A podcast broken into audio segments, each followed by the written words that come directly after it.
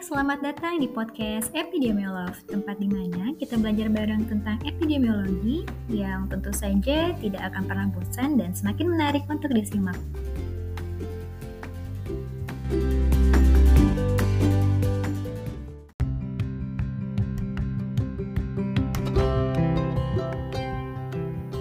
Pembentukan kelompok adalah salah satu langkah awal terjadinya interaksi antara individu satu dengan yang lain. Nah, pembentukan kelompok ini dapat diawali dengan adanya persepsi, perasaan atau motivasi, dan yang tujuan yang sama dalam memenuhi kebutuhan dari setiap individu. Nah, ketika perasaan akan muncul motivasi dalam memenuhi kebutuhan, kemudian menentukan tujuan yang sama dalam berkelompok dan akhirnya adalah terjadi interaksi, sehingga terwujudlah sebuah proses pembentukan kelompok.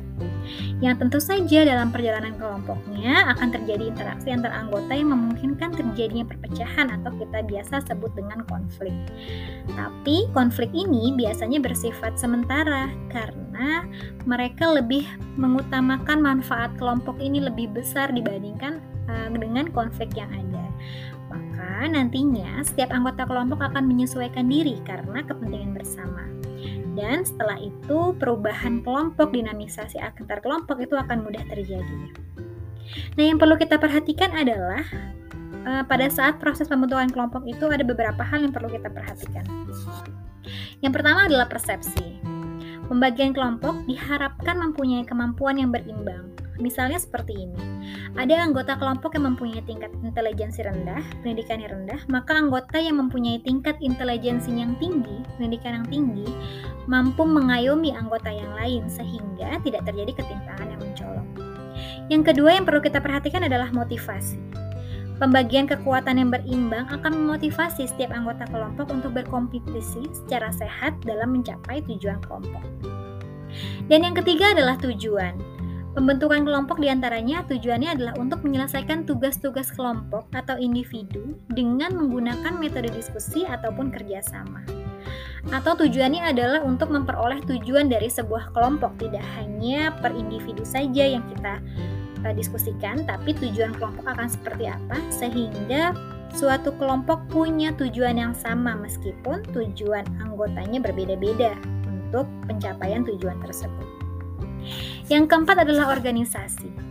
Pengorganisasian yang dimaksudkan di sini adalah untuk mempermudah koordinasi antar anggota kelompok sehingga ketika terjadi masalah, penyelesaian dari suatu masalah tersebut menjadi lebih efektif, efektif dan efisien. Yang kelima adalah independensi. Kebebasan merupakan hal penting dalam dinamika kelompok. Yang dimaksud kebebasan dalam dinamika kelompok di sini adalah kebebasan anggota kelompok dalam menyampaikan ide-ide dan pendapatnya. Kebebasan dalam berkelompok disesuaikan dengan aturan yang berlaku dalam kelompok tersebut sehingga tidak mengganggu proses dari sebuah kelompok. Yang terakhir adalah interaksi atau yang kita sebut hubungan timbal balik antara anggota kelompok yang saat ini adalah merupakan syarat yang penting dalam sebuah kelompok. Karena dengan adanya interaksi atau hubungan timbal balik ini akan ada proses memberi dan menerima ilmu pengetahuan dari satu anggota ke anggota yang lain sehingga transfer ilmu dapat selalu berjalan. Kebutuhan akan informasi setiap anggota akan selalu terpenuhi.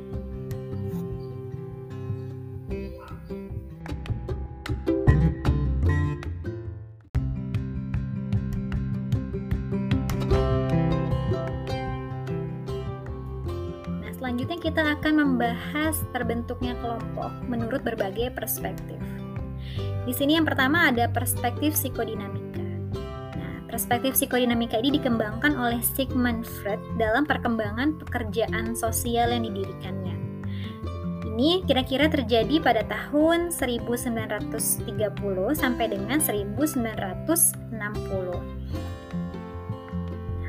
Teori psikodinamika ini menyatakan bahwa individu itu tergabung dengan kelompok untuk pemenuhan biologis dan psikologisnya.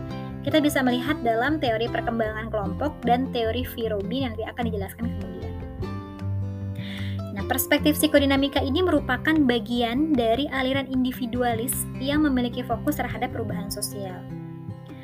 Kenapa dikatakan psikodinamika? Karena Karena teori yang mendasari mereka mengasumsikan bahwa perilaku berasal dari gerakan atau interaksi yang berasal dari pikiran orang, pikiran setiap individu. Yang di mana teori ini menggunakan berbagai teknik untuk menafsirkan bagaimana pikiran orang setiap orang itu bekerja dengan mengamati perilaku mereka.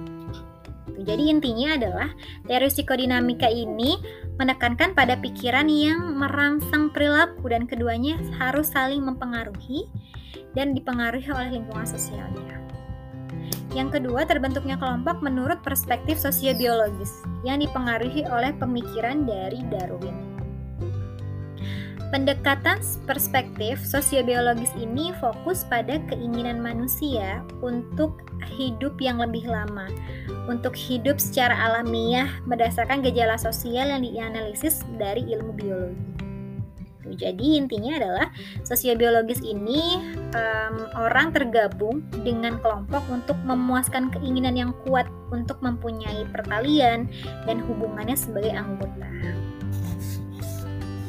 Nah, sebenarnya banyak dalam ilmu sosial atau sosiologi yang mempelajari tentang dinamika kelompok berdasarkan gejala sosial yang ada. Sehingga banyak sekali teori-teori tentang keinginan manusia bergabung dalam kelompok menurut ilmu sosiologi. Teman-teman nanti bisa baca uh, di dari sumber ilmu lainnya seperti apa sih uh, perspektif sosiobiologis ini. Kemudian yang ketiga kita menuju perspektif perbandingan sosial yang mengom menyatakan bahwa komunikasi dalam kelompok itu berlangsung karena adanya kebutuhan dari individu untuk membandingkan sikapnya, membandingkan pendapatnya, dan tentu saja membandingkan kemampuan antar individu lainnya.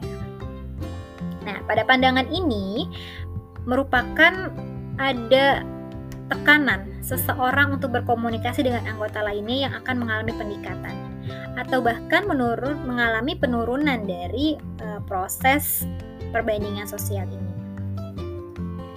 Intinya adalah dalam proses perbandingan sosial orang-orang itu akan mencari, saling mencari karena mereka membutuhkan informasi tentang dirinya sendiri dan lingkungannya. Dan tentu saja informasi yang mereka butuhkan itu hanya tersedia dari orang lain, dari orang yang tepat sehingga mereka membutuhkan komunikasi, mereka membutuhkan opini, mereka membutuhkan kelompok untuk menyatakan sikapnya apakah benar hal-hal yang telah mereka lakukan, apakah cocok dengan interpretasi, interpretasi apa yang sudah disampaikan atau ditangkap oleh orang lain. Itu adalah perspektif perbandingan sosial. Mereka saling membanding-bandingkan antara satu individu dengan individu yang lain. Kemudian ada juga perspektif pertukaran sosial yang didasarkan pemikiran bahwa seseorang dapat mencapai suatu pengertian, suatu pemahaman mengenai sifat dari kelompok dengan mengkaji hubungan di antara dua orang dalam kelompok tersebut. Nah, model-model pertukaran sosial ini adalah model keterikatan kelompok dengan mempertimbangkan reward dan cost-nya tentu saja. Artinya adalah kalau dalam pertukaran sosial atau prinsip pandangan sosial yang kita tahu sehari-hari yaitu manusia itu berusaha untuk mendapatkan reward yang sebesar-besarnya dan mengurangi tentu saja kos yang sekecil-kecilnya. Misalnya saja dalam pertukaran sosial ini melibatkan pertukaran barang dan jasa, kemudian ada biaya, ada imbalan yang bisa ditukarkan selama mereka berinteraksi antar satu individu dengan individu yang lainnya. Nah, jika kondisinya adalah biaya atau imbalan yang dirasakan itu tidak cukup atau lebih banyak dari kos yang mereka keluarkan, maka mereka bisa saja untuk mengakhiri hubungan dalam kelompok tersebut. Nah, ini pertukaran sosial ini hmm, sangat penting untuk perspektifnya karena pada dasarnya mereka berusaha untuk menjelaskan fenomena kelompok yang dalam lingkup ekonomi, kemudian perilaku mengenai cost dan effectiveness gitu ya, the cost dan imbalan untuk dalam berbagai kelompok sosial.